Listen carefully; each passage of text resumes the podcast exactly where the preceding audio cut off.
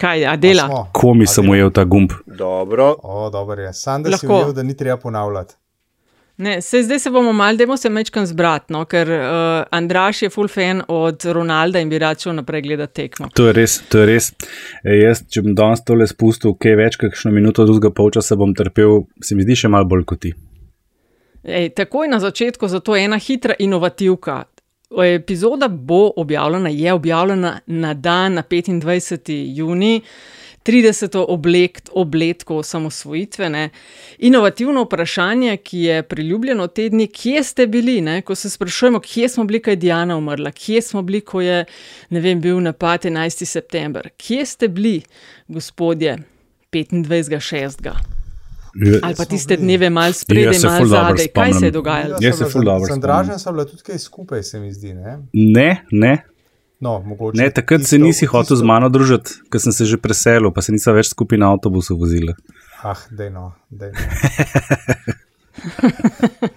A čakajmo, zdaj 25 ali 26? Mislim, da je malo te Ne. dneve. Ta večer ne. Ja, minus, ne, ne. Na večer, ta dan so dovoljene sanje, pa to. Na, na ta Ja. večer, ne?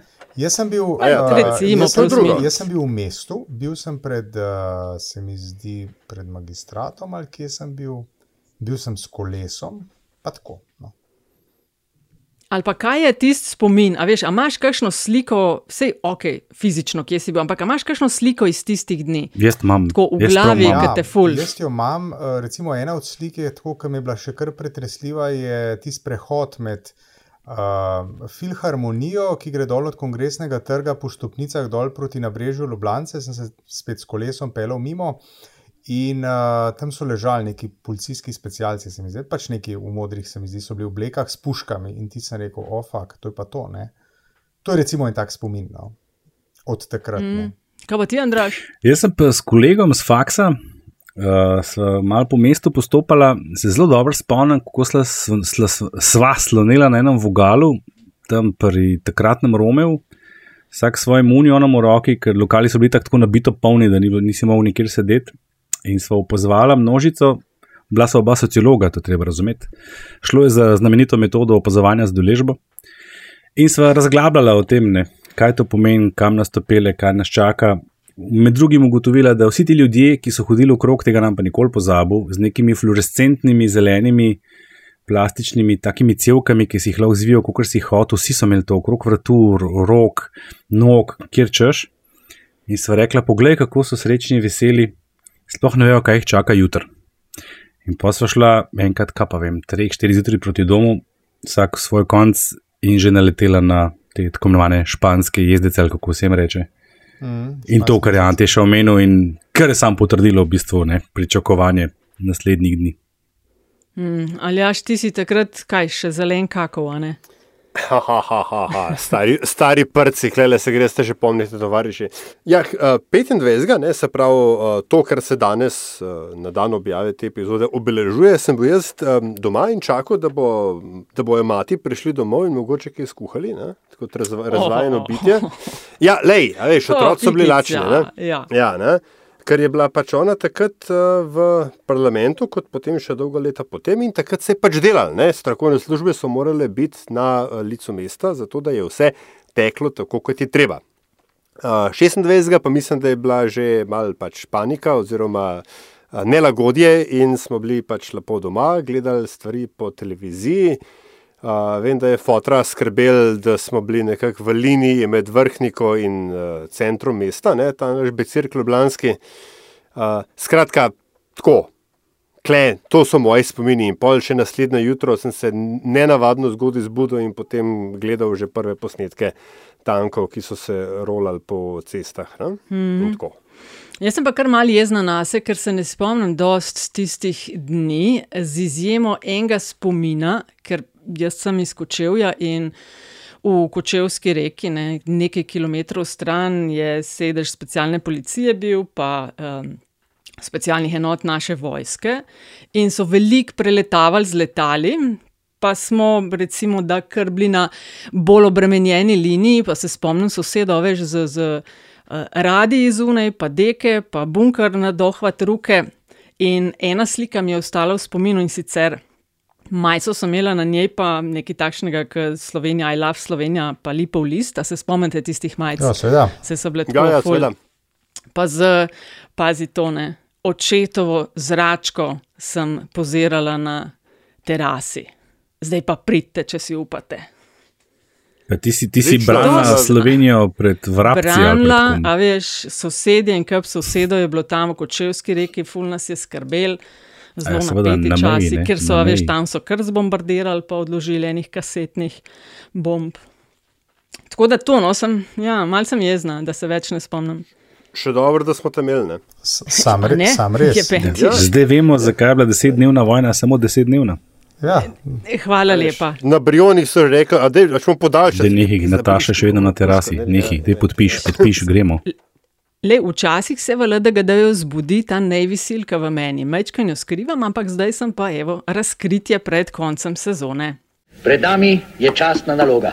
Poverta gospoda Hojsa, v kateri je ponudil odstop, je še zaprt. Če kaj, potem je to referendum o tem, ali slovensko vojsko sploh želimo imeti ali ne. neke vrste zmenek rušiteljev temeljnih vrednot Evropske unije. Odkar sem odšel iz politike, vse narobe. Več afer, kot bodo sproducirali, bolj bom grizla in sekala lovke.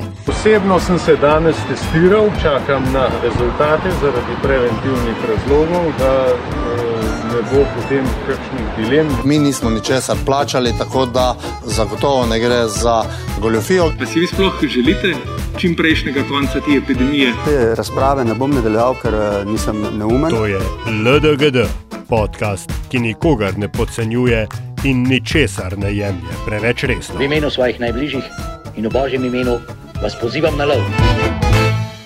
Uživajte, dokler lahko. Hvala lepa. Se pravi, ker pade ravno objava na 25. in obletnico smo se tokrat odločili, da mal posebno oddajo posnamemo, ampak začetek je še vedno enak. To je podcast, ki nikogar ne podcenjuje.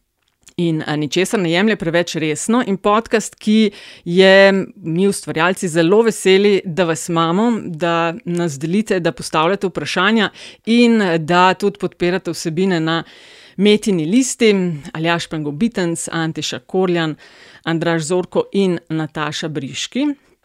Posebna epizoda, ker pade ravno Aljaš ne na 25. in to um, obletnico. In smo se odločili, da na mesto enih in istih obrazov tokrat damo priložnost uh, štirim lušnim, pametnim mladim. Ne? In to nismo mi. In to nismo mi. Kako oni razmišljajo o osamosvojitvi, pa EU, pa Sloveniji, pa kaj se jim zdi, da delamo dobro, pa slabo, kaj nam priporočajo. Uh, tako nekako, ne, smo v tem kontekstu. In vsak je imel nalogo uh, nekoga intervjuvati. Ne. In s posebnim poudarkom, da gre za mlade z še ne ali pa skoraj šele pridobljeno volilno pravico.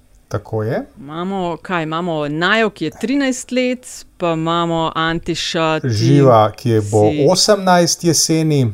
Torej, so vsi brez volilne pravice. To. Tako je. Vsi brez. Tako je. Jaz imam Aleksa skoraj 16. Jaz vam pa Renka, ki je samo 10. O, A super. Upam, da ste ugotovili, da smo tudi spolno uh, uravnoteženi 50-50 oziroma 2-2. Za razliko od naše ekipe. Tako je, ampak šefica pri nas šteje za dva, tako da Ma, lej, sej bomo majčke dobili, sej se delajo, sej se delajo. Ne zdaj, ne zdaj, ne zdaj vsega povedati. Ne, ampak meni men se zdi tudi fino, a veš, da, je, um, da, da smo zavili v to smer, ker so takšne uh, okrogle obletnice, ved, vedno obstaja ta nevarnost, da vsi zapademo ali pa zapadajo v ta še pomnite tovariši moment. Ne? Se je fino razglabljati o tem, kje je kdo kdaj bil, ampak uh, v resnici je naslednjih 30 verjetno vsaj tako ključnih, kot je bilo prvih 30, če ne še bolj. Ne? Mhm, In to nas zanima, pa sveže misli, pa bolj spontano, In a ne neke odpiranje. daleč ja. v preteklost, kot gre oblast z vlečenjem raznih likov samosvojitve, dobesedno z naftalina, v isti meri smo šli mi tako daleč nazaj v prihodnost. Tako. ja. Um, kaj začnemo, s kom začnemo? A, želi kdo štartati s kom? A začnemo od najstarejšega proti najmlajšim, najstarejše. Pa kaj bom spet prvi ali kaj? Ja. Oh, shit, ne, od najmlajšega. Od najmlajšega, Od najmlajšega, prosim, no, ja. Pa čudi, kot da je. Antiša. Ja. Prav, potem pač full disclosure, čeprav verjetno polovica Twitterjev to ve, Renko je moj najstarejši sin. Uh, eden od razlogov, uh, da sem se z njim pogovarjal, je tudi ta, ker se ta teden v Luksemburgu, ne, kjer uh, zdaj le predstavljamo um, izseljenske slovence, uh, se v Luksemburgu pač dogaja cel kup stvari in so prioritete druge, kot recimo na prazniku slovenske uh, samostojnosti in državnosti. Uh, tako da sem se moral potem po pomoč zateči k družini. Renko je star deset let, um, več od sebi in o življenju in videnju Slovenije bo pa povedal Karon. Kako je šlo letos šo v šoli? Uh, šlo je v redu, zabavno je bilo, tako ali tako. Ja. V katerem jeziku pa poteka pouk? Uh, pouk poteka v angleščini, malo dela pa tudi v slovenščini. Kako pa to izgleda v slovenščini? Uh, malo bi tako najprej imam malo angleščino, uro pa pol, pa pa grem pa na slovenščino za pol ure in potem pa samo še eno uro in pol um, šole na kratkih dnevih, na, na dolgih, pa ne vem, še dodatn, neki dodatni dve uri. Kaj pa se učite potem pri slovenščini? Učimo se razne drugačne stvari, um, kako deliti besede um, na, na zvok in samoglasniki, več pomenke, ene pomenke. Um, in zdaj se opise um, in tako. V katerem razredu si ti zdaj? Um, četrtem. Četrtega boš končal, ne? In boš šel Ja, potem naprej v ja, petega. ne? ja. A, a se pri slovenščini učite tudi o Sloveniji? Uh, ja, naslednje leto se bomo precej veliko, sem videl v našem um, knjigi za učenje v slovenščini vnaprej, sem videl, um, da vsaj pol knjige je samo o Sloveniji. Pa veš, da, ima, da Slovenija praznuje 30. obletnico samostojnosti Ja. te dni. Ja. Um, pa veš, kaj je to samostojnost? Um, to kot država ali um, prebivalci države um, hoče postati um, samostojna država, kar pomeni, da ne pripadajo drugim državam. Ti si bil rojen v Sloveniji ne? Ja. in si hodil tudi najprej malo v slovenski vrtec. Ja. Ko rečem Slovenija, kaj, na kaj najprej pomisliš? Najprej pomislim na triglav, pa šmučanje, pa pa na bolj hribe, na koncu pa vodo. Ne Mhm. vem zakaj. A poznaš slovensko zastavo? Ja. Kakšna je? Um, od spodaj je rdeča, potem je modra, čisto od zgoraj je pa bela, in na levi strani, nekje na sredini med um, modro in belo, je pa grb triglav, pol pa reka od spodaj, ki bi mogla biti ocean, ampak bi je bila napaki v sestavi, v, v narisanjem, in potem pa še tri zvezde. Ali kaj pogrešaš Slovenijo? Um, malo, ampak ne vem točno, tukaj se precej zabavam. Kaj pa pogrešaš v Sloveniji? Pogrešam to, da um, sem mogel zapustiti prijatelje in to, da sem lahko precej veliko krat videl um, gore. V Luksemburgu jih prav ni, moraš iti v Be Belgijo ali Francijo. Kater šport je pa najbolj všeč? Nogomet. Zdaj, kaj, je- kaj je nogomet, kaj je evro, Ja. se kar razočaran, ker Slovenije ni. Mm, ja. A misliš, da bi morala biti? Ja, smo, ja, tako ali tako imamo včasih dobre igralce, nimamo pa tako najmočnejšo ekipo. In, Za koga pa navijaš na tem evru? um, Hrvaško. Zakaj pa? Um, ker je blizu in ker je blizu Slovenije in gremo na morje vsako tolikrat. Kjer je pa najboljši slovenski nogometaš? Um, Milinko? Milenko Ačimovič. Ja. Zakaj? Mislim, ne vem točno vse, ampak samo um, vem tu, da na enih um, evro ali ne vem, je neki Ukrajin strelil žoga, pa je, se ga, je pa ujel žogo Milenko um, na sredini in strelil v gol. In, ja. In je dal gol. Ja. To je bil njegov najbolj, najbolj znani gol. Uh -huh. Kaj pa danes, kjer je uh, najbolj znan slovenski nogometaš? Oblak. Kako Jan? Oblak. Jan Oblak. E, Prej si rekel, da če rečem Slovenija, se najprej spomniš na gore in, Potem, ja. in potem morje. In tako. Kaj pa če rečemo Evropska unija, na kaj se pa najprej, najprej spomniš ob tem? Um, najprej se spomnim, kot ob tem pa mislim malo bolj na države, ki so združene in potem pa en cel kup države. Na koncu pa se mi samo zdi, kot da vidim parlament, neki um, visoko um, stole ob mis, visoki mizi in potem, ja, in potem si razmišljajo in potem na sredini je pa nekdo govori in potem, ja. A je pomembno, da smo v Evropski uniji? Se mi zdi približno, kako potekajo stvari od zunije Evrope, um, da smo vsi varni. Kaj pa se ti zdi, recimo, tako dobro v Sloveniji?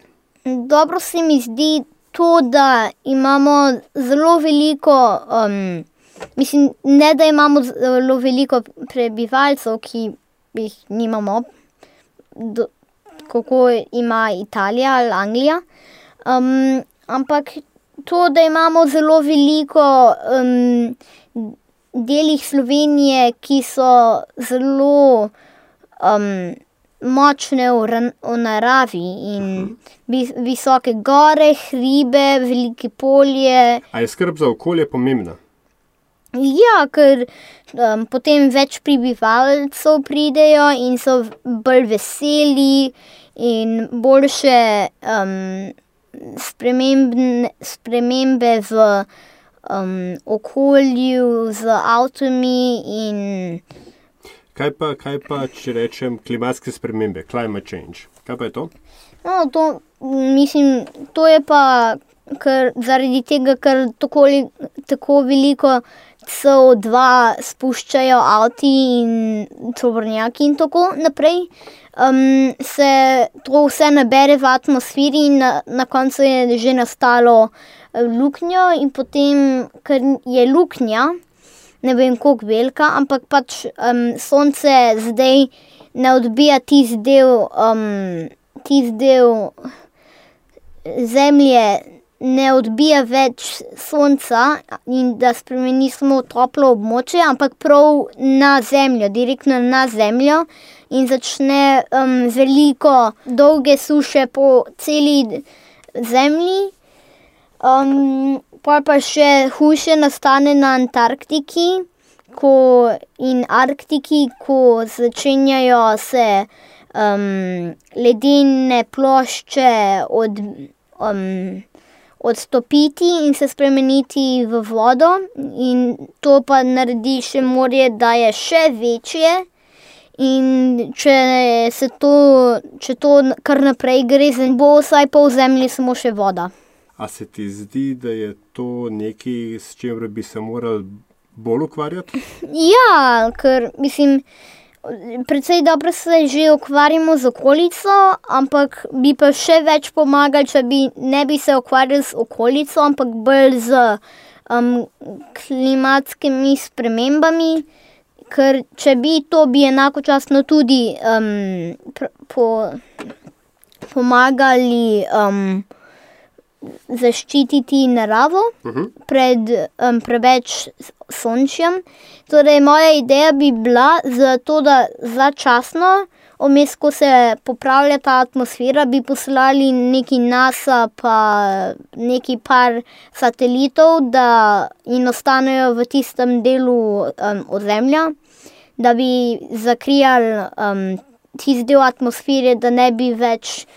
Um, sonce šlo in da bi lahko vsaj približno dovolj dobro živeli, da bi lahko um, imeli dovolj časa, da si izmislimo nekak sistem, da je atmosfera čim hitreje um, tako, kot je bila. Kaj pa misliš, da, da lahko naredimo, ne vem, ti pa jaz, pa um, ljudje, kako misliš, da lahko najbolj prispevamo k temu, da bi bilo čim manj CO2? -ja? Um, jaz bi rekel, da veliko kolesarimo, ampak to, to je že nekaj, kar vsi mislijo. Jaz bi rekel bolj nekaj takšnega, ki, bo, ki bi spremenilo um, CO2 na to, da se spremeni v zrak. Kaj pa če rečem politika? Kaj pa ti to pomeni?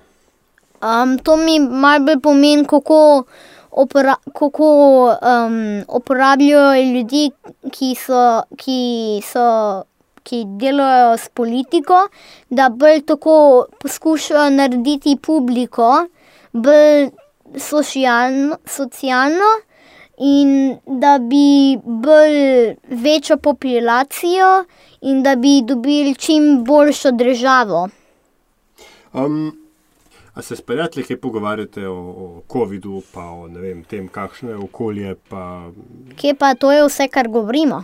A res? Br z Pokémon kartami in potem ugotovimo, še, in potem se naučimo še drugačne stvari, kar sami, tako ne, ne z učitelji, kar otroki, ker pri- prisluškamo, ker moramo tako pomagati po hiši.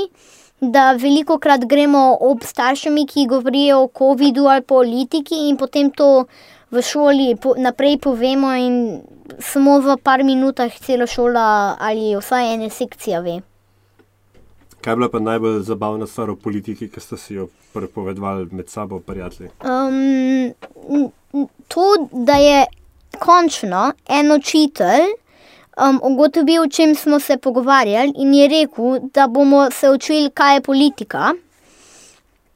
Um, no, učiteljica je bila in je rekla, da smo lahko um, sa, sami izberemo politis, politiško ime naše, um, ne vem, partije ali Mhm, nekaj stranke, ja. stranke.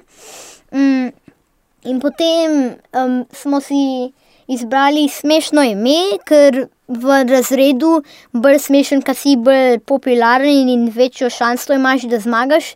Torej smo si, um, ker smo v angleščini, smo imeli seveda um, angliško ime in smo si dali um, ime tole. The Peppa Pig politicians in association with the Cokie Club. In a ste zmagali? Ne, še, ker še vedno moramo dokončati vse to delo, ampak eni prijatelji so tako razviti, da imajo že 25 um, reasons, kot Aha, razlo, 25 razlogov, Ja, zakaj. ja, no, zakaj- To sem te hotel vprašati. Zakaj bi moral jaz, zakaj ne jaz glasujem za Peppa Pig uh, Politicians politicians in association as with the- association ja. Pokey Party? with the Cokie Club.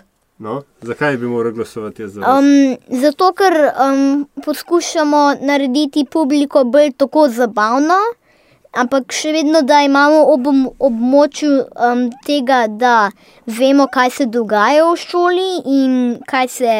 Um, da, ker naša glavna vloga, ki mi mislimo v um, naši strankam, je to, da so vsi veseli, vmes, ko, ko so v, nači, v, nasi, v našimi močmi. Um, in smo imeli pač ene razloge, in ja.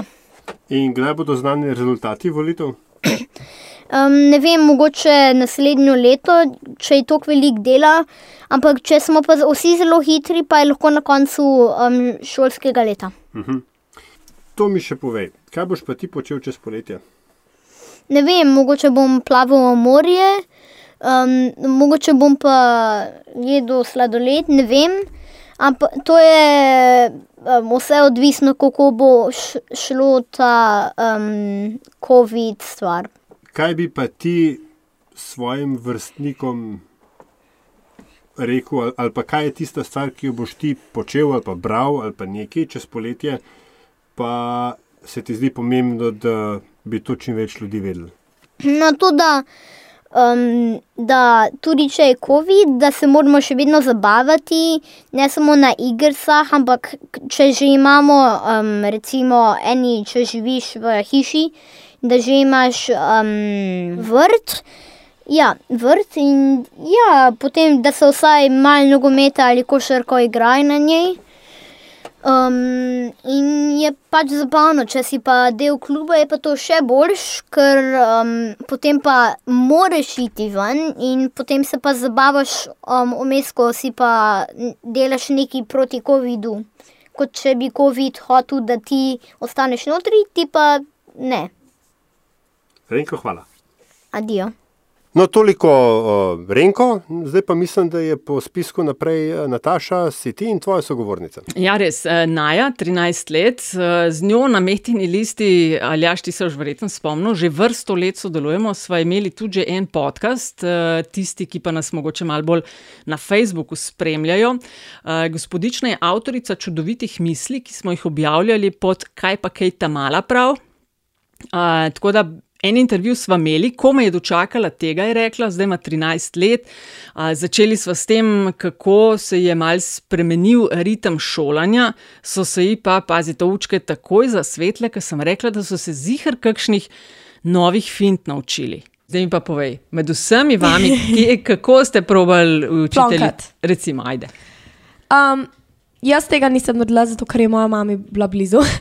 Ampak to so ljudje, so v bistvu si dal na, uh, so si vse prepisali na Word, Word. Uh, si dal na, si pol pomanjšal kamero, oziroma si pomanjšal kol, in so pol iz tam brali, ko so bili vprašani. Dejansko so to počeli. Dejansko so to počeli, pa eni so si uh, pisali med tem.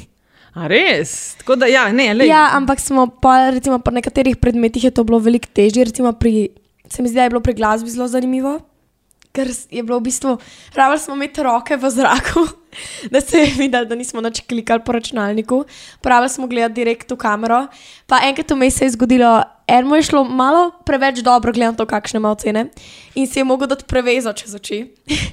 in je tam imel dvignjene roke in prevezo, in je bilo super. Če bi v bistvu po tem letu naredili anketo, recimo na šoli, pa vprašali, a bi hoteli septembra, ko se spet začne šola, rajš nadaljavo delati, ali rajš v razredu, ali rajš mešano, kaj misliš, da bi večina zbrala?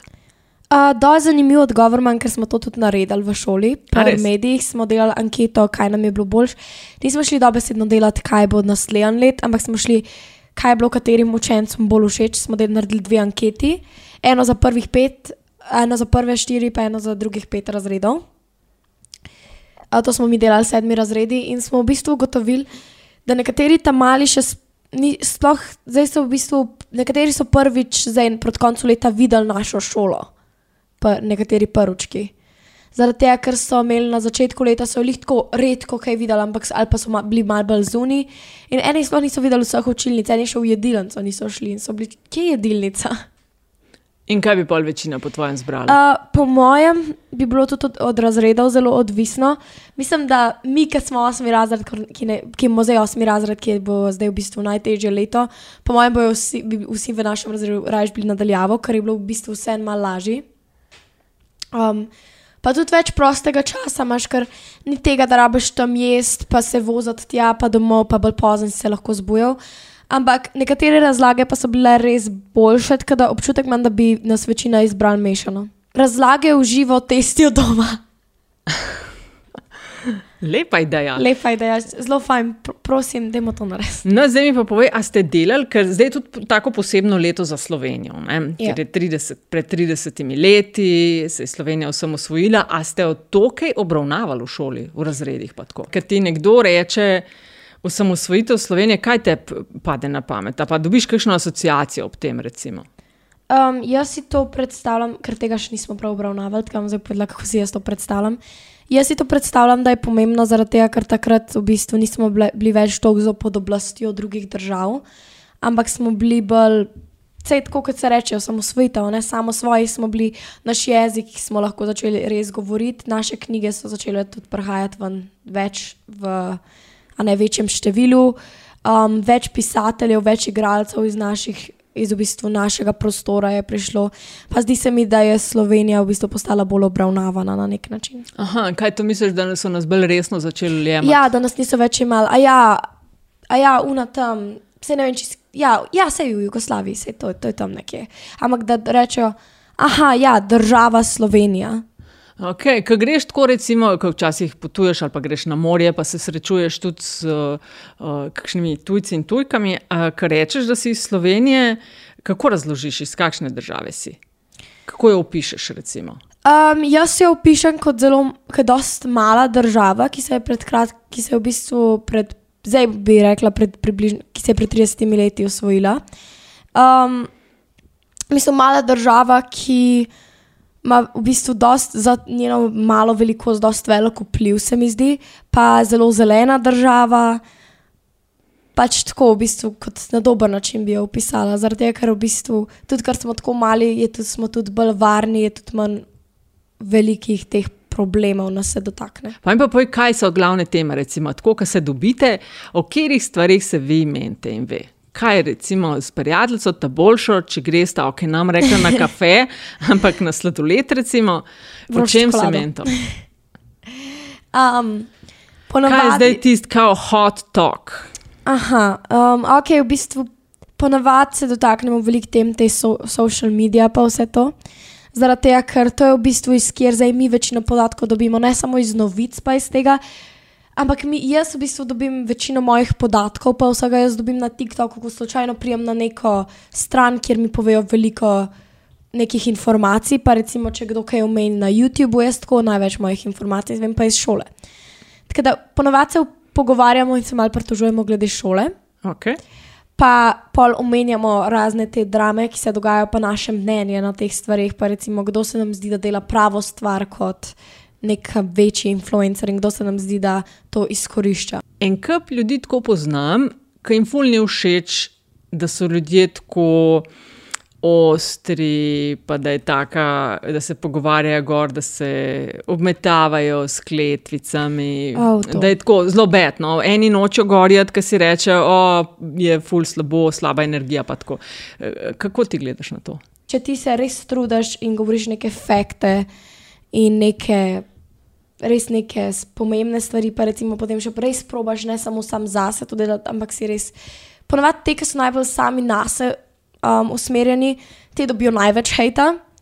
Te, ki pa so v bistvu, upam, če vam je to všeč, mi napišite, če vam to ni všeč, mi, mi tudi napišite, prosim, zato, da vem, kaj narediti, da bom bolj zanim, zanimiv.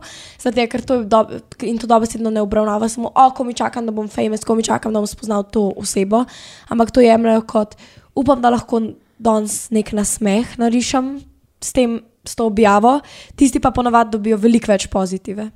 A veš, kaj opažam, da imaš, kar se jaz imam tudi tole, ne? kar dosti takih angliških izrazov uporabljam. Ja. ne, kaj, tega je fula, ne? Zelo velik.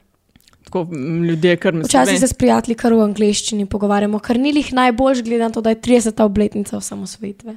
Dobro, lej, mislim, vi ste vseeno, veš, veliko na teh mednarodnih platformah, kjer je uradni jezik angliščina, pa ti veliko tujim slediš, a veš, vse ne moreš, mislim, pol v slovenščini. Pa je veliko teh štosov, ki jih pač v angliščini, ne, kaj češ, se ne moreš. Ja, zato, ker jih slišimo v angliščini, v slovenščini pa recimo. Še ni prevoda, ne, ne, veš, prevo, ne obstaja prevod za to in potem to poveš v angliščini, pa so vsi. Zakaj govoriš angliško? Tako, se tebi zato... zdi kul, cool, da je Slovenija del Evropske unije? Ne vem, vse jih.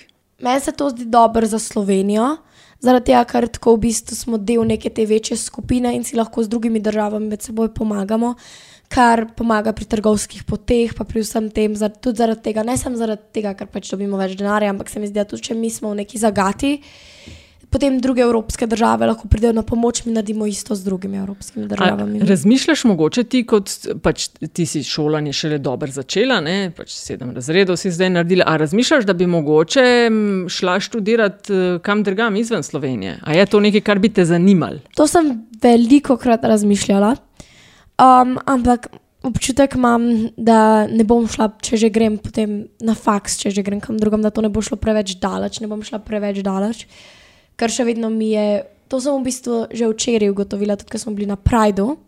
Sem ugotovila, kako smo si v bistvu vsi različni in kako je v bistvu vse tam, kako je v bistvu tukaj nekako vse. So neki problemi, neke hribi, neke doline, bi lahko temu rekli.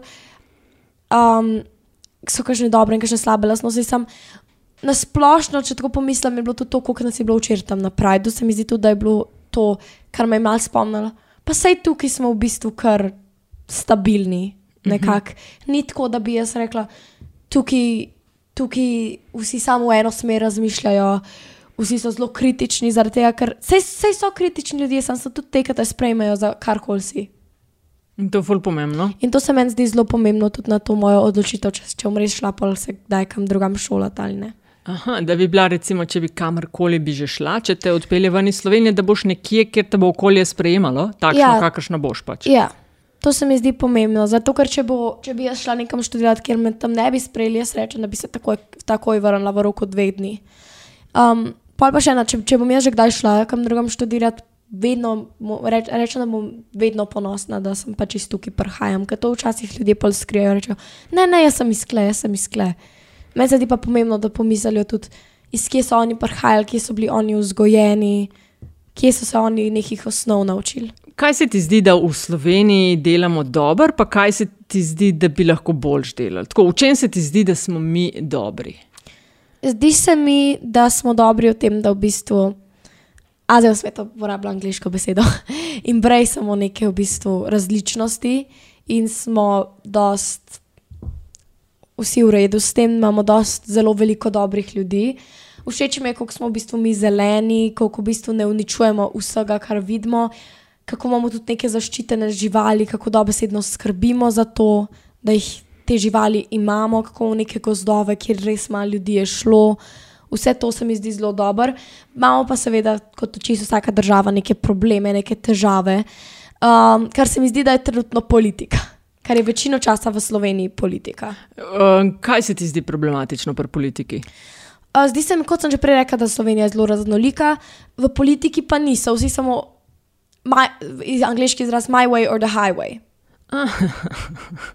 Aha, tako mislim, da niso pripravljeni na dialog, na vem, kompromise, na pogovore. Ja, niso pripravljeni, da se dobesedno pogovarjajo z nek, nekom, ki ima neko različno mnenje in potem probajo najti kompromis. Ampak so sam, ja, ampak jaz zdaj le tukaj vodim, torej bi moje mnenje moglo zmagati. Ampak sam na tako pomislijo, ne pa na to, da, oni, da tista druga oseba ni edina tega mnenja, da je zagotovo še kdo takšnega mnenja. In da potem se ra rabimo ne samo vedno ugotoviti, kaj je prav, kaj je narobe, ampak sam vsi se pogovoriti o tem, kaj si vsi mislimo, in potem videti, kaj je najboljša pot, da gremo. Kaj misliš, da bodo največji na nek način ne vem, izzivi, preizkušnje za nas? Zdi se mi, da je tudi ta lockdown, pa ta korona bil v bistvu za nas trenutno največji, če je preizkušnja, ki jo je Slovenija kadarkoli imela, kar je dosti zanimivo. Ker v bistvu, lih, ko bo 30. obletnica, bo tisto eno, skoraj dve leti, ko se to dogaja.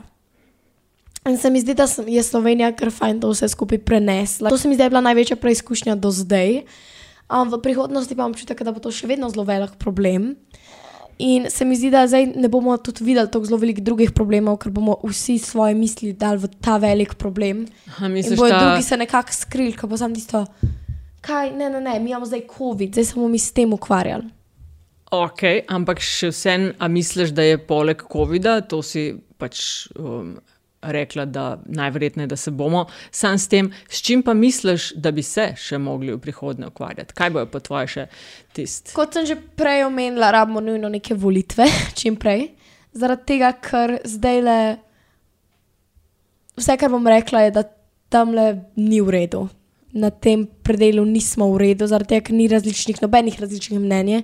Vsi so prepričani v to eno stvar, ki jo je en enkrat rekel, in ne pomislili na nič drugega izven tega njihovega mehurčka. Recimo, kaj si neka druga oseba, ki ni v tistem mehurčku, misli na to. Kar se mi zdi, da bo tudi to, kakšne bojo volitve, koga bomo izvolili, to se mi zdi pa, da bo na, naslednja največja v bistvu stopnica. A se ti zdi, da človeštvo, mi, tvoji prijatelji, da mi dovolj dobro skrbimo za okolje? Ne, res ne. Ker imam občutek, da vsak pomisli, da oh, ja, mogoče ta eno vitek od tega bombona tu nam škodil, sam to jih lahko, to jih misli en milijon. In potem imamo en milijon teh ovitkov in še raznih drugih stvari, ki se. In ovitek še ni največji problem, potem je razna plastika. Se ta ena plastenka ne bo nič naredila. Ja, en milijon pa jih bo.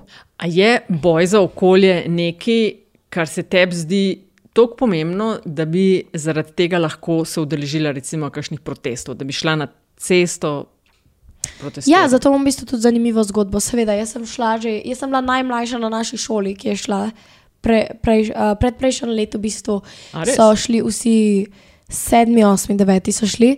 Ampak jaz sem takoj dala idejo, da bi šli na proteste, naša šola, in so me zato vzeli zraven. Tako da v bistvu to se mi je zdelo zelo pomembno in jaz res poskušam iti. Pač Jaz res poskušam največ, kot lahko, ne morem pa vedno zaradi šole iti na proteste, zato ker še vedno, če pa jaz manjkam v šoli, jaz rabim za to nadoknaditi vse. In to potem probaš pač čim večkrat iti tja, ampak se mi zdi, da bi to spet rabila neka vsakdanja stvar, ker zdaj gremo vsi na proteste zaradi vlade, kar je zelo pomembno. Tka, in to je ob petkih, potem pa imamo še drug, pa bi rabo biti pa še drug protest ob petkih. Tka, po mojem, bi rabo imeti dva dneva za dva različna protesta. Mm -hmm. um, da bi bil nek, nek, neka rešitev. Tole mi še povej, kakšne imaš plane za poletje? Uf, poletje. Um, ta tema mi je najbolj všeč. No. A, za poletje, v bistvu, mi bomo, če bomo lahko kam šli, bomo takoj šli, zato ker pač te poletje nismo nikamor mogli. Um, tudi um, želim se s čim več prijatelji videti, zato ker počasi bomo vsi cepljeni, slejko prej. Čim, zdaj več kaj ljudi, več prijateljev lahko vidim, več kaj ljudi cepljenih. In se mi zdi, da to tudi pomaga na čisto vseh levljih vsega. Zaradi tega, ker imam občutek, da so ljudje počasi se bo, bi vsem odtrgali, če bi ostali v tej, tej karanteni. Tako da mislim, da je to poletje zelo well needed. Zato, ker rabimo nujno nek, imeti neko svobodo. Ena rubrika je v LDGD, ki je stalna, vedno, ne, to vodimo, jaz pa še tri moji prijatelji, ne, in pa na koncu vedno imamo, reče se, zadnjih 30, ko vsak neki priporoči. Skratka, ima 30 sekundic, ko lahko pove, kar hoče. In evo, zdaj imaš ti to šanso, zadnjih 30, izvoli. Ok, um, to sem se tudi jaz malo pripravila, sem razmišljala, o čem bi kaj rekla, ker kot smo že prej omenili, na veliko stvari vpliva na me. Moram pa reči, da meni se je, jaz sem se odločila eno serijo priporočiti. Uh, zelo ima dolgo ime, kaj si vzamete, da si zapišete. Um, okay, the Series of Unfortunate Events. What? Ja, imenuje se The Series of Unfortunate Events. In v bistvu je tudi za mal. Lahko gledajo tako že kar prej, sam v bistvu govori o ignoranci, pa o tem, uh, v bistvu neka glavna stvar, na katero se skoncentrirajo, je ignorance is bliss, ker v bistvu govorijo o nekih otrocih, ki edini vidijo nek, ta nek problem, ta, ki je predstavljen kot ena oseba, ki jih lovi in se potem skriva kot v nekih diskajzih, pa vse to. In noben odrasel, ker se odločijo, da bojo verjeli, da je že umrl, ne razmišljajo o tem. Oni so pa vsi. To je on, verjemite. In oni pa so, ne, ne, ne, vse je ok, vse je ok, mali otroci nič ne vejo. In v bistvu se mi zdi to zelo zanimiva tema. Ok, uh, to je to. Uh, najlepša ti hvala no, za ta okay. pogovor. Ti bom poslala link, ki bo vse skupaj gotovo. Ne? Super. In uh, ful smo res zelo, zelo smo veseli, da si bila naša gostja. Tako da uh, eno lepo poletje ti prvoščam, pa da bo novo šolsko leto tako super, da se boš zabavala, pa veliko naučila. Ok, super. No, to je bila Naja, uh, zdaj pa je Andraš, tvoj kandidat. 15, ne? skoraj 16. Skoraj 16, skoraj 16. V mojem primeru gre za tipičnega najstnika, urbanega, ki je hkrati tudi jabolko, ki je padlo z jablane in se k sreči odkotalilo dovolj stran od te jablane, da je jablana z distance na njej. Predvsej ponosna. Z mano je predstavnik Milenicev, star 15 let, si star, ne? Kdo si, povej, kdo si? Uh, jaz sem Alex, star sem 15, obiskujem gimnazijo Poljane, eh, končal sem moj prvi letnik in v prostem času sem rad veliko zunaj in sem bil izbran za neko raziskovanje naših, um, našega uma. Uh, kaj je to? Ja, v bistvu me zanima naše strokovno mnenje o današnji Sloveniji, Evropi, nasplošno v šoli, kaj se dogaja, ko se razvijamo kot država, ki je pač zelo manjša v primerjavi s celim svetom. Uh, in pač zato ste zbrali neke mlajše ljudi, ki nam bi lahko to upisali.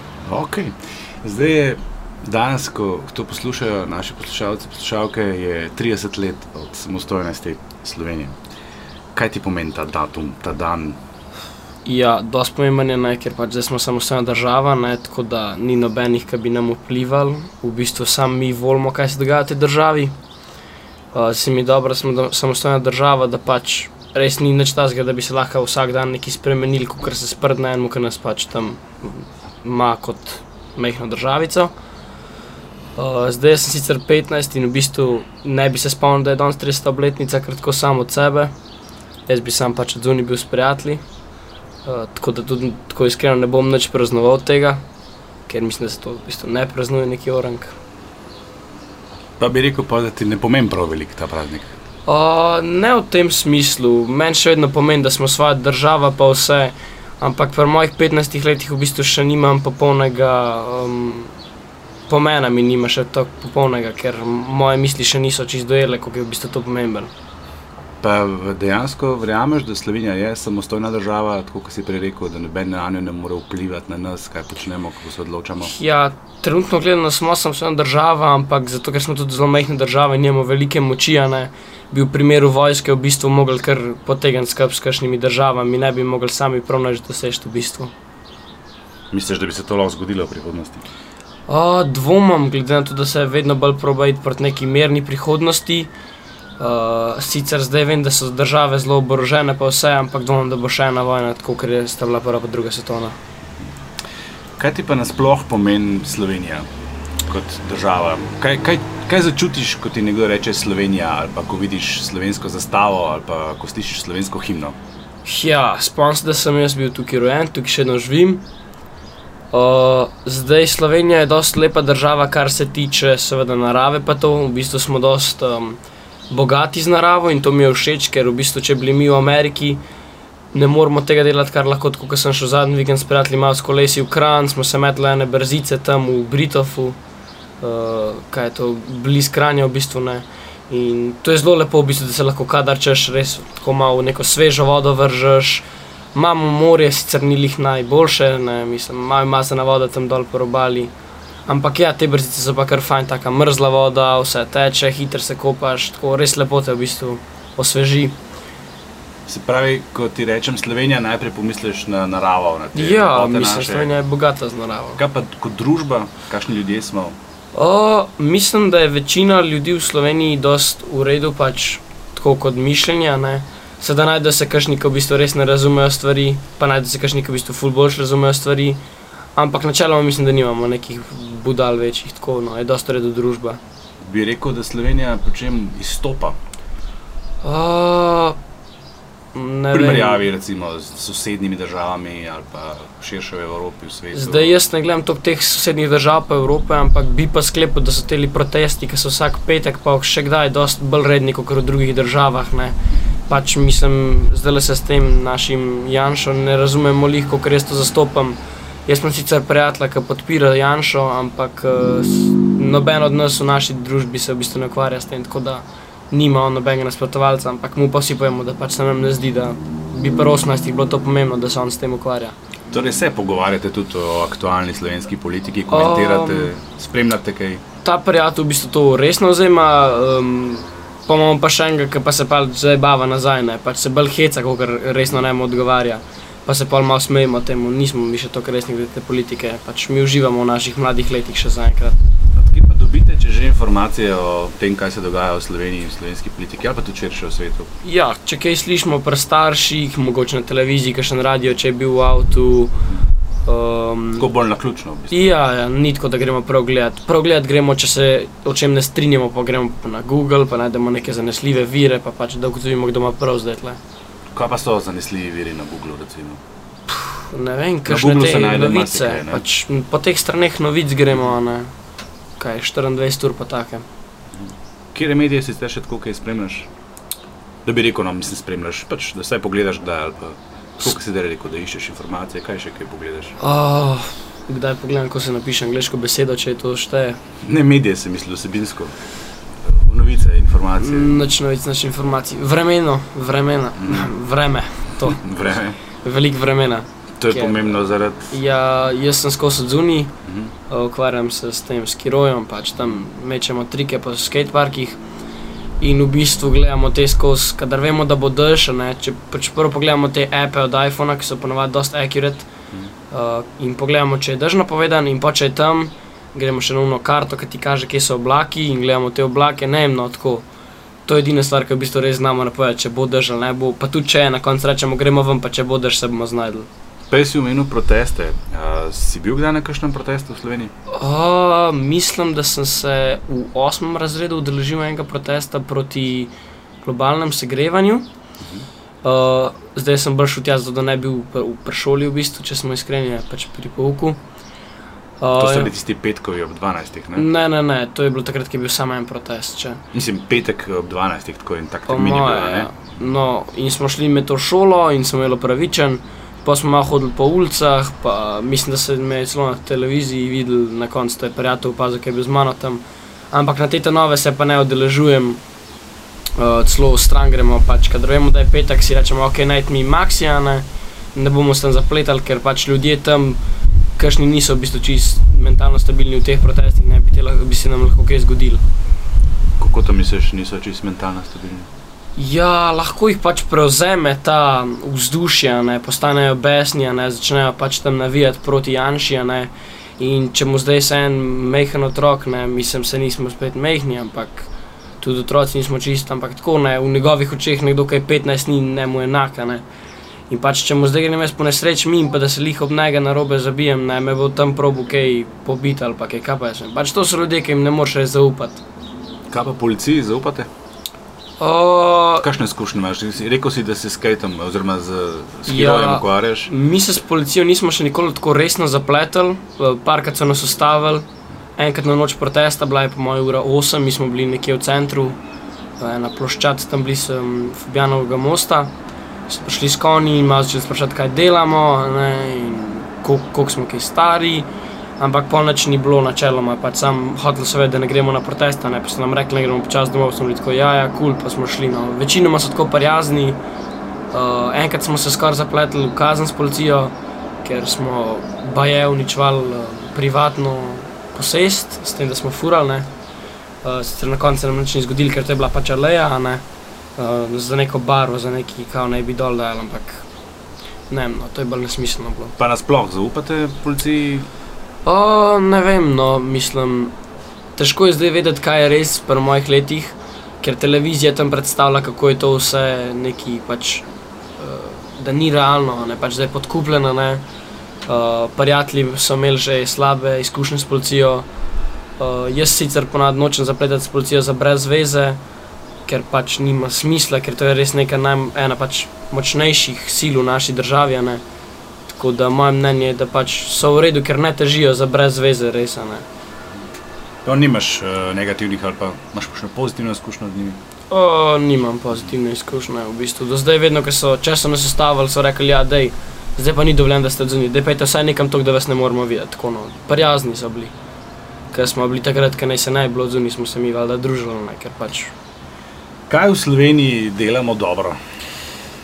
Oh kaj delamo kot dobro. družba.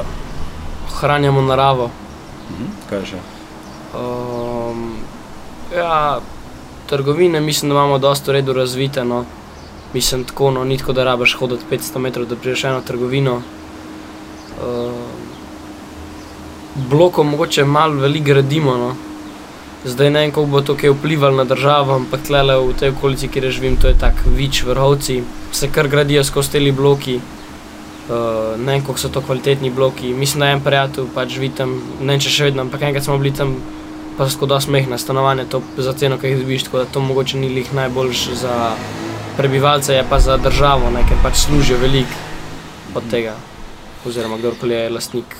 Še kaj tazga izpostavlja, da je dobro v Sloveniji? To je za bistvo že odgovor na moje drugo vprašanje, kaj pa je slabo. Kaj pa je? Še kaj dobrega, še kaj tazga najdu?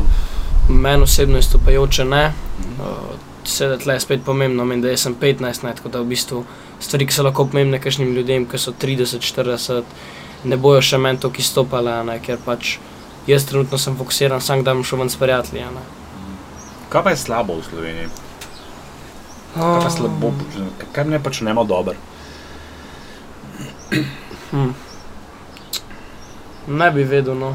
Mogoče nam skateparkov primankuje, ampak to je res za manjšo skupino pomembno. Kaj pa tako širše gledano, družbeno? Uh, ni družbenih problemov, v bistvu tako velikih. A se počutiš varno v Sloveniji? Večino časa. Kaj pa tako, če pogledaš v prihodnost, ti si zdaj gimnazic, prvi letnik si rekel, Mhm. Um, čez tri leta se boš upisoval na fakulteto, boš začel razmišljati, kam boš šel naprej. A se vidiš v Sloveniji, veliko mladih se zadnje leta Um, izseljuje iz Slovenije. V To bistvu nimam pojma, uh, ker pač iskreno res ne razmišljam še o tem. Ne morem zagotoviti, da bom v Sloveniji, ampak ne morem pa zagotoviti, da ne bom. a Ne? To je res vse še v zraku trenutno. Nisi tako navezan, bi rekel, da boš pa za vsako ceno ostal tu. Ne, ne, ne, definitivno ne. V bistvu jaz bi račel v druge dele države. Tudi kakšno Ameriko bi bilo treba kdaj obiskati, ne, ker tam ima tudi veliko stvari, ki mi nimamo v smislu teh produktov. ne. Um, Kaj, tako, na no. primer? Ja, veliko več tekstilnih stvari imaš, drugačno hrano, drugačne sladkarije, take stvari. Pač na splošno bi rad take stvari sprobil. Kaj ti pa pomeni Evropska unija? O, je nekako je dobro, da smo mi nekako povezani s temi državami, a ne? ker mi, kot majhna država, bi zelo težje delovali, če ne bi bili v tej Evropski uniji. Dosti dobro, je da imamo um, enake eh, tele enote za denar, ker pač pol, če gremo eno državo, ki, ima, ki je v Evro- Evropski uniji in je v naši uh, denarni enoti, ne, ne rabim jaz nič menjati, nič zgubljati denarja pri tem. ne. Zdaj žal se to Hrvaška še nima. Da, nisem siguren, če bo to imela, ker nisem nikoli gledal, se ne spomnim čist dobro. Uh, in pač pol malo zgubiš tam, ker greš v kune menata, ne? ampak ne, če greš pa v Avstrijo, je pa dobro, ne? ker pač v evrih plačaš in to je to. Pa misliš, da ima Slovenija več koristi od Evropske unije ali obratno, da ima Evropska unija več koristi od Slovenije? Uh, po mojem ima Evropska unija dosti veliko koristi od nas, kar se tiče uh, dreves. Zdaj, če se jaz prav spomnim, ko smo pri geografiji govorili, je bilo omenjeno, da v bistvu mi res 70% lesa izvozimo, uh, kar pač se mi zdi dosti velik um, benefit Evropi, uh, ker pač niso vse države tako bogate z lesom, ne. oziroma pač drevjem.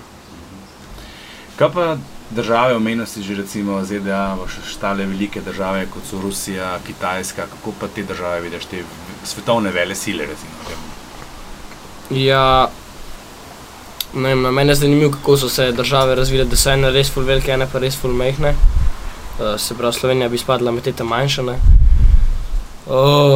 zdaj v ZDA se mi zdi, da je sicer tudi ful več teh problemov, kar se tiče kulture. ne.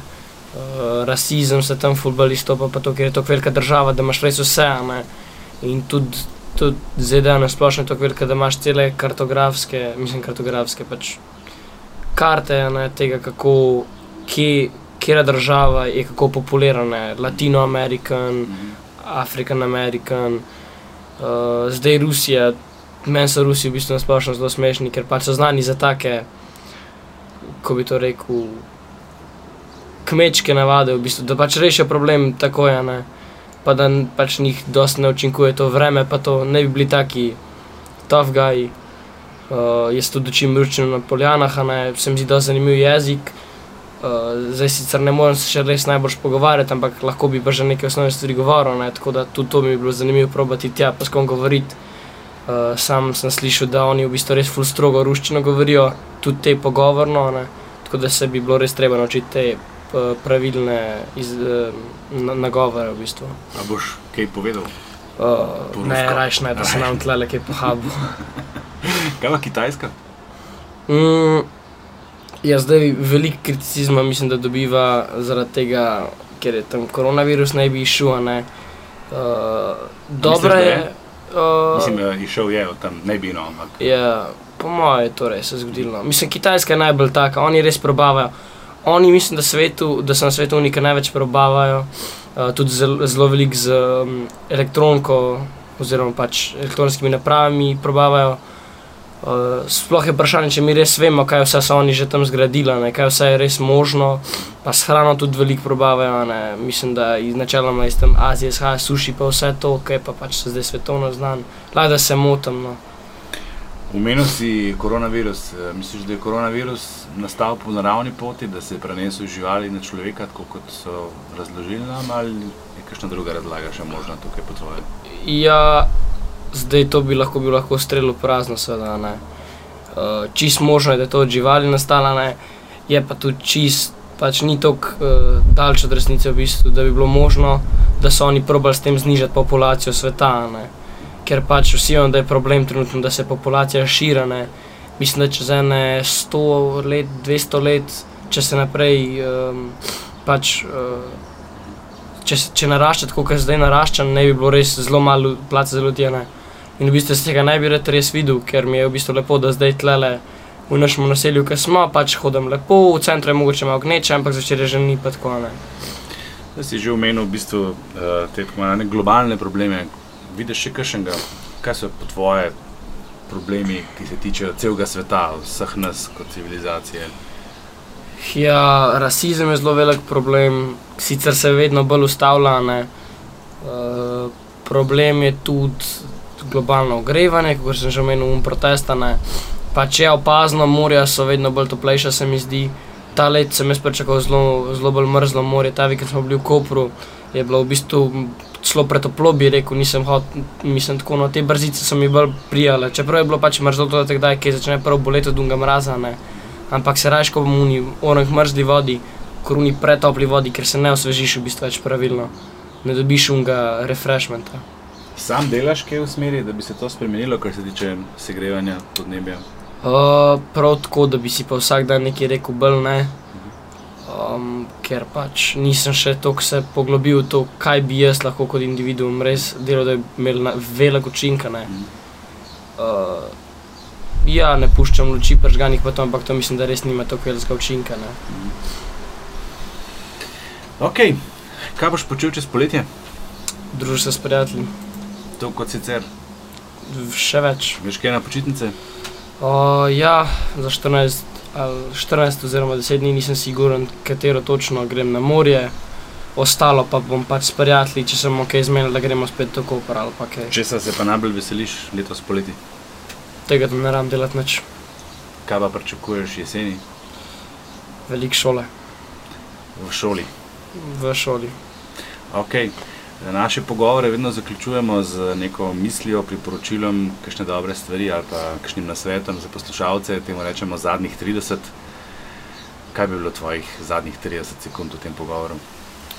Um, čez celo leto med šolo je treba delati, da je poletje prosto, ker pač noben noče brez poletja biti je bilo 30 krat, ko je denato, najlepša hvala ti, Aleks. Uživaj počitnice. Enako. Tale je bil kratek in je denat zadnjih 30, Antiša, tvoja skoraj voljivka je pa. Moja skoraj voljivka je pa moja, ne? to je moja nečakinja, živa. Stara bo, oktobra bo stara 18 let, je se mi zdi kar ena tipična, tipična gimnazika. Uh, z pravzaprav tudi razmeroma netipičnimi hobiji, namreč zelo strastno se ukvarja z vsemi vrstami živali, kar pa ne, in to ne da v njih bere v enciklopedijah, pač pa se z njimi fizično ukvarja.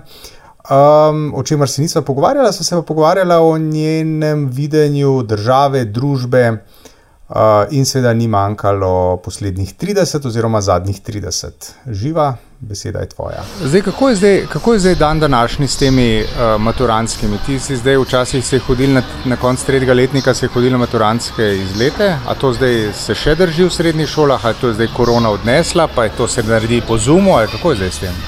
Um, ja, se še drži, letos gremo avgusta. Um, gre več šol skupaj v Grčijo, oziroma ena lokacija je tudi v Španiji um, jaz grem v Grčijo. Ok, to je v redu. To je v redu. Kaj pa spričevalo? Um, letos sem kar ponosna, ker mi je nekako uspel biti prav dobro, um, kar pomaga za pač naprej upis na faks. Um, je bilo pa težko leto, že zaradi korone. Glede na to, da smo podcast, ki ničesar ne podcenjuje, ničesar ne jemlje preveč resno, lahko rečemo tudi, da je bilo zajebano leto. Ne? Zelo. Ja. Um, Ko so se pelala sem na ta pogovor v gostilno, kjer sva, ne, si me vprašala, pa kaj zidajo, kaj postavljajo tam na trgu republike pred parlamentom. Ne? Nisi pomislila, da morda postavljajo odre za proslavo ob 30. obletnici državnosti? Ne, res nisem. Pa veš, da je zdaj 30, ti si se rodila leta 2003, se pravi eno leto, preden smo vstopili, niti ne polno leto, preden smo vstopili v Evropsko unijo. Uh -huh in v NATO. Takrat smo imeli že 12 let svojo državo. Kako ti gledaš na to, da imamo svojo državo? Ali je to ok, ali si sploh predstavljaš, da je kdaj bilo kako drugače? Um, mislim, da sploh nimam neke povezave s tem, da je bilo kako drugače, kadarkoli. Um, zato, ker sem odraščala v tem, da smo v svoji državi in da živimo tako, kot živimo. A se imaš ti za patriotko? Nisem sploh razmišljala, kaj bi to pomenilo. Da... No, ma, kaj je patriot, to veš. Ne? Patriot je domoljub, se pravi nekdo, ki je ponosen na to, da uh, živi v svoji državi, na svoj narod, na svojo državo. A, a si ti recimo ponosna na to, da si v Sloveniji, da si slovenka in tako naprej? Ali ja. ti kdaj tudi kaj naroden zaradi tega? Mi je tudi naroden, ja. Zakaj pa? Um, ja, včasih se mi zdi, da um, se ljudje ne zavedajo čist, kaj je Slovenija in da to tudi nekako dobijo napačno predstavo zaradi politikov, pa kakšna slika je v svetu zaradi politikov, ki so zdaj na oblasti oziroma so bili tudi prej. Ok, ok. Uh, zanimivo razmišljanje. Um, ampak v principu še vedno si ponosna ali nisi ponosna? Ja, sem, recimo sem. Recimo, od ena do pet, recimo tam, med tri pa štiri. Ja. Okay. Dobar je. Uh, obstaja pa tudi naša širša domovina. Mi smo včasih Jugoslaviji rekli širša domovina. Um, in to je Evropska unija. Ne? A jo ti doživljaš? Um, ja, recimo. Um, tako, še vedno se mi zdi, da sploh nimam nekakšne ideje, da je to neka zares povezava med državami. Um, ne vem zakaj, ker se mi zdi, da dosti govorimo tudi o izmenjavah. Letos smo zelo veliko govorili o Erasmus izmenjavah, tako, um, ker pač je tudi v sklopu Evropske unije. Ampak se mi še vseeno ne zdi, da imam tako veliko povezavo s tem. Drugi strani pa, veš, gledaš uh, tuje televizije, gledaš Netflix, uh, poslušaš, prej si mi rekla, ti ti ti živa, ne? da ne poslušaš slovenskih podkastov, poslušaš pa angliške in ameriške podkaste. Um, kam, kam je pravzaprav tvoj fokus obrnjen, tvoj ali pa tvoje generacije? Ne? Ven ali v Slovenijo? Kje se vidiš čez recimo uh, 20 let ali pa 25 let? Oziroma, še prej bi te to vprašal, kje probleme vidiš? Uh, vidiš svetovne probleme pred našimi, ali vendarle vidiš slovenske probleme kot tiste, ki uh, nas morajo skrbeti? Uh, mislim, da smo vsi bolj osredotočeni na zunanje probleme. probleme.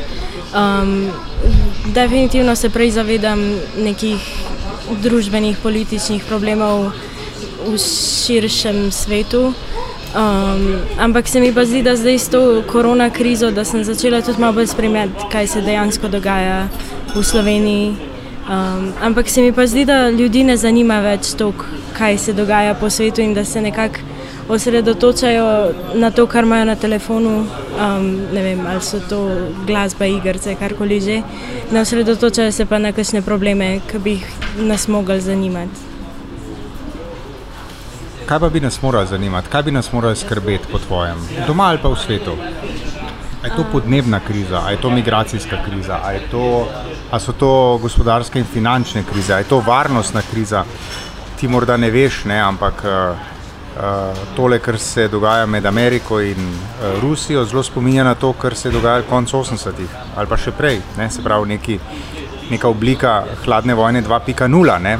Se pravi, Me zanima, kaj je tisto, kar bi tvojo generacijo moralo skrbeti. Uh, mislim, da... po, po mnenju tvoje generacije nas moralo skrbeti in vas, seveda. Uh, mislim, da definitivno je zelo na visokem mestu podnebna kriza. Um, tudi mogoče je kakšna neenakost. Se mi zdi, da so se še zdaj med karanteno in med vsem tem, so se neenakosti v družbi in tako naprej zelo izpostavljale. Um, tako da mislim, da to, kako bi to vsaj zmanjšalo učinek podnebne krize tukaj, pa nekako zmanjšalo neenakost v družbi. A ti doživljaš neenakost v družbi? Um, no, posebni zvočni efekti, ali jaš lahko jih pustiš tudi noter. Sit, no. um, jaz definitivno lahko vidim neke vplive, um, ne nujno na sebi ampak na ljudeh, ki niso privilegirani, recimo v šoli, Um, zdaj, ko smo bili doma, um, je bilo na, težko mi je bilo gledati, ker ljudje niso imeli Wi-Fi-ja, pa niso mogli se udeležiti pouka.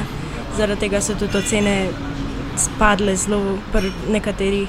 Um, so se tudi povišale, tako da to je ena pozitivna plat, ampak um, pri zelo velikih ljudeh se, so bile to velike težave.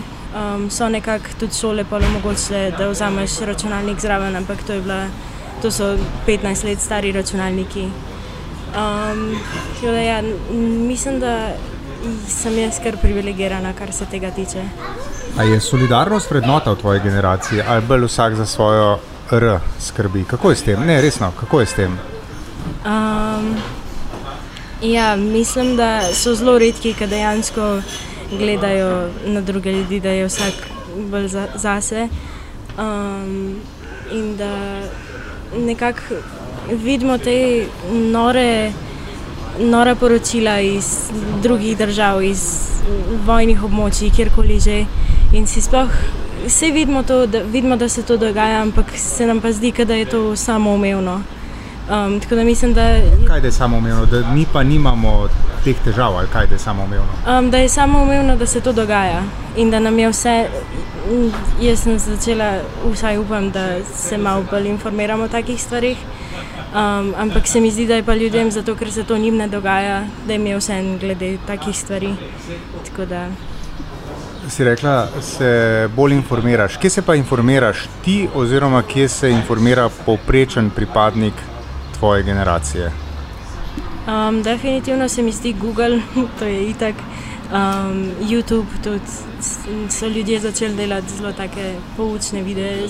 Moraš tudi malo sam raziskati, ne smeš se zanašati samo na videe nekoga, ker je to samo ena plat zgodbe. Ampak um, ja, definitivno jaz uporabljam Google, tudi kakšne knjige, če se kaj povezuje z zgodovino ali pa kaj gremo v knjižnico, pa si sposodam. Kaj pa zdaj, radijska poročila, časopisi, televizijska poročila? A to televizija v realnem času, a to sploh kaj gledate? Um, jaz zelo redko. Jaz tukaj oči doma pa gledam poročila popovdne, um, gledam z njim. Drugač pa jaz, da bi sama prežgala, recimo, ker sem sama doma ali pa kaj to pa ne. Um, grem na 24 ur na spletno stran včasih, ampak. Ja. Kaj pa časopisi? Ne. Ne, ne vem, kdaj sem na zadnje držala časopis v rokah. Sem...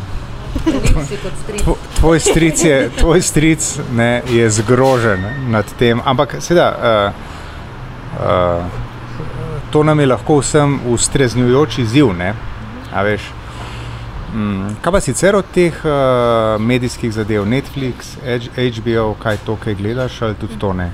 Ja, na Netflixu preživim veliko časa, še sploh zdaj, ko bojo poletne počitnice, pa včasih ni nič boljšega za delati. Tako da je to zanimiva platforma. Ti ok, Netflix. Uh -huh. yeah. um, kaj pa družbena omrežja? Facebook je za stare ali kako že. Kaj pa, je, kaj pa je te potem od družbenih omrežij tisto, kar ti je ok, ne? kar ti je uh, tako intrigantno, kar ti je zanimivo, te driva ali kaj, kako se to zdaj že reče? Um, jaz uporabljam večinoma Instagram, pa na TikToku tudi veliko časa preživim, zato ker najdem veliko vsebin, ki niso samo zabavne, ampak tudi nekako. Ljudje govorijo o problemih, ki se dogajajo njim, ki se dogajajo njihovim družinam, ki se dogajajo po svetu, pa, pa mi da to nekakšne ideje, o čem naj berem naprej, o čem naj se učim naprej ne ustvarjaš posebej za TikTok ali pač? Ne. E, še mi povej, mislim, tako zaznavam, e, se pravi, zavedanje o tem, da, je, da imamo probleme, e, zaznavam. Ne? Zdaj pa me zanima aktivizem v tvoji generaciji. A to obstaja kot oblika dejavnosti, ali ste bolj pač vsi gledate, zmajujete z glavami, ni pa neke pripravljenosti, da se zastavi besedo ali pa tudi preko da roko za to, da se kakšna stvar spremeni. Kako je s tem? No? Um, aktivizem se mi zdi, da je vedno bolj pogosto v moji generaciji. Um, ne vem, jaz recimo sledim na Instagramu um, računu Mladi aktivisti. Um, oni veliko povejo o protestih, ki se zdaj dogajajo, o stvarih, ki se nasplošno dogajajo, ta referendum za čisto vodo. Um, sem definitivno veliko zvedla o tem prek tega Instagrama. Jaz tudi sodelujem pri organizaciji Transakcija, ki se ukvarja z LGBT pravicami, še sploh za trans ljudi. Um, ampak se mi pa zdi, da še vedno ni nekih um, pravih outletov za mlade, ki bi se s tem ukvarjali. Vsaj jaz še nisem našla nekaj, kar bi bilo nečesa, kar bi bilo tako, ki bi me res pritegnili, da bi z veseljem, največjim veseljem sodelovala in da bi vedela, kaj delam. No, se imaš še čas, si še mlada, ne? se imaš šele 17 let. Ja, res je. Uh, kar pomeni, da boš imela relativno kmalo 18 let. Uh, in kar pomeni, da boš uh, na naslednjih volitvah že volila, vsaj lahko volila. Uh, kako je s tem, imaš namen izkoristiti to pravico, ki so si jo vaše prednice v bistvu relativno težko priborile, volilno pravico? Imaš namen, uh, se ti zdi vred, vrednota, da imaš možnost vplivati na uh, volilni izid in na to, kaj se dogaja v tvojem okolju in državi? Ja, meni se zdi to zelo pomembno in zelo um, ve, velika stvar, ki se je veselim za pač moj 18. rojstni dan. Lepo. A, zaključila bolj v sproščenem tonu. Mi imamo tukaj v, v podkastu tudi eno rubriko Zadnjih 30, kjer ponavadi kakšno stvar svetujemo, predlagamo v ogled, v branje in podobno. Pa bi zdaj tebe vprašal, kaj bi ti, recimo z Netflixa, v zadnjem mesecu predlagala poslušalcem tega podcasta za poletne mesece. Lahko pa tudi kaj, kar se splača prebrati. Um, jaz trenutno berem eno knjigo Inland, jaz jo berem v angleščini, drugačen naslov je Inland, od, napisala je Teja Obrecht, ena srpska pisateljica. In je, dogaja se v deve, konc 19. stoletja um, na teritoriju, kar je zdaj Arizona v Ameriki in je v bistvu nekako um, tudi neki elementi uh, onostranstva, en tip, njemu sledijo duhovi že celo življenje in, more narediti stvari za njih, ki jih oni niso uspeli v svojem življenju. Ženska, tej ženski, ki je tudi v zgodbi sledi, njena mrtva hči, ki je umrla zaradi vročine. In je nekako zelo zanimivo, kako se te zgodbe prepletajo. Se pravi, še enkrat, Inland, avtorica. Teja Obrecht.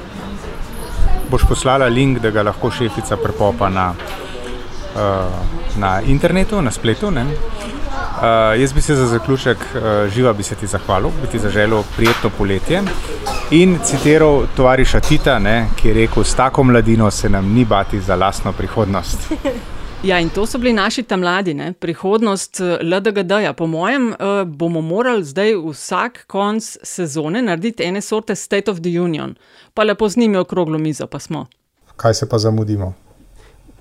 Ja. Zdaj poskušam narediti, veš, State of the Union in Laško. Ampak... Mi prav rabimo očitno eno tako resno motivacijo za life. ja. ja, nekaj takega. Okay, no, to je bila se pravi epizoda ob obletnici.